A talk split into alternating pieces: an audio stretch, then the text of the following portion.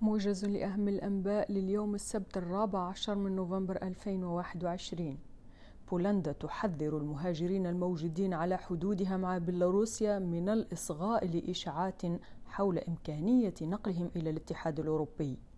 غوتيريش يقول إن اتفاق قمة المناخ ليس كافيا لتجنب كارثة مناخية. سيف الإسلام القذافي يرشح نفسه للانتخابات الرئاسية في ليبيا.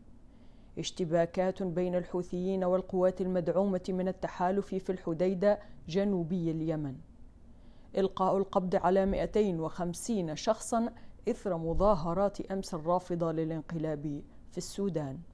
أمير الكويت يقبل استقالة الحكومة بعد نحو أسبوع من تقديمها.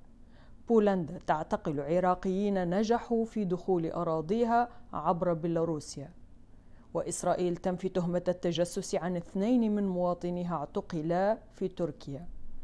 النمسا تفرض إجراءات إغلاق بحق مليونين من مواطنيها.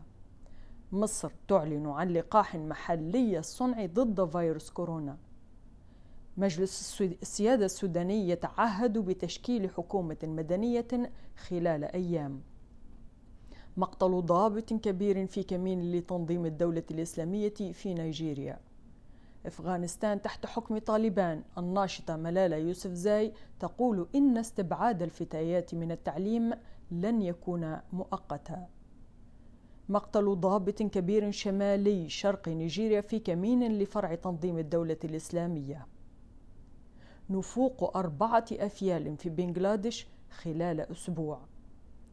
مقتل شخص على الأقل إثر زلزالين قويين ضربا إيران وشعر بهما سكان الخليج. انقلاب السودان مجلس السيادة الجديد يتعهد بتشكيل حكومة مدنية خلال أيام. فيروس كورونا مصر تعلن بدء التجارب السريرية لتطوير لقاح محلي.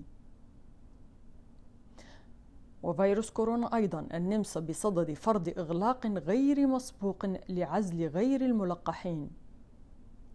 إسرائيل تنفي تهمة التجسس عن اثنين من مواطنيها اعتقلا في تركيا بتهمة التجسس بعد صور لقصر رئيس تركيا. الأزمة في تونس معارض الرئيس التونسي ينظمون مظاهرة جديدة ضد ما يعتبرونه انقلابا. بولندا تعتقل عراقيين نجحوا في دخول أراضيها وتتهم آخرين برشق قواتها بالحجارة. القبض على 250 شخصا إثر مظاهرات السبت في السودان احتجاجا على الانقلاب العسكري. الحرب في اليمن اشتباكات في الحديدة ومخاوف من انهيار الهدنة في المدينة الاستراتيجية. وأيضا في انقلاب السودان وللمرة الثالثة صدور أمر قضائي بإعادة خدمة الإنترنت.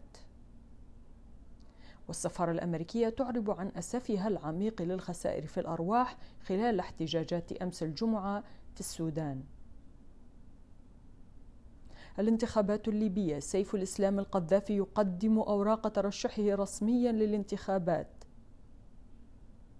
وقمة التغير المناخي في غلاسكو غوتيريش يقول إن الاتفاق الذي تم التوصل إليه ليس كافيا لتجنب كارثة مناخية تهدد البشرية. تحذير للمهاجرين الموجودين على حدود بولندا من الإصغاء لإشاعات تقول أن إمكانية نقلهم إلى الاتحاد الأوروبي واردة. نهاية الموجز إلى اللقاء.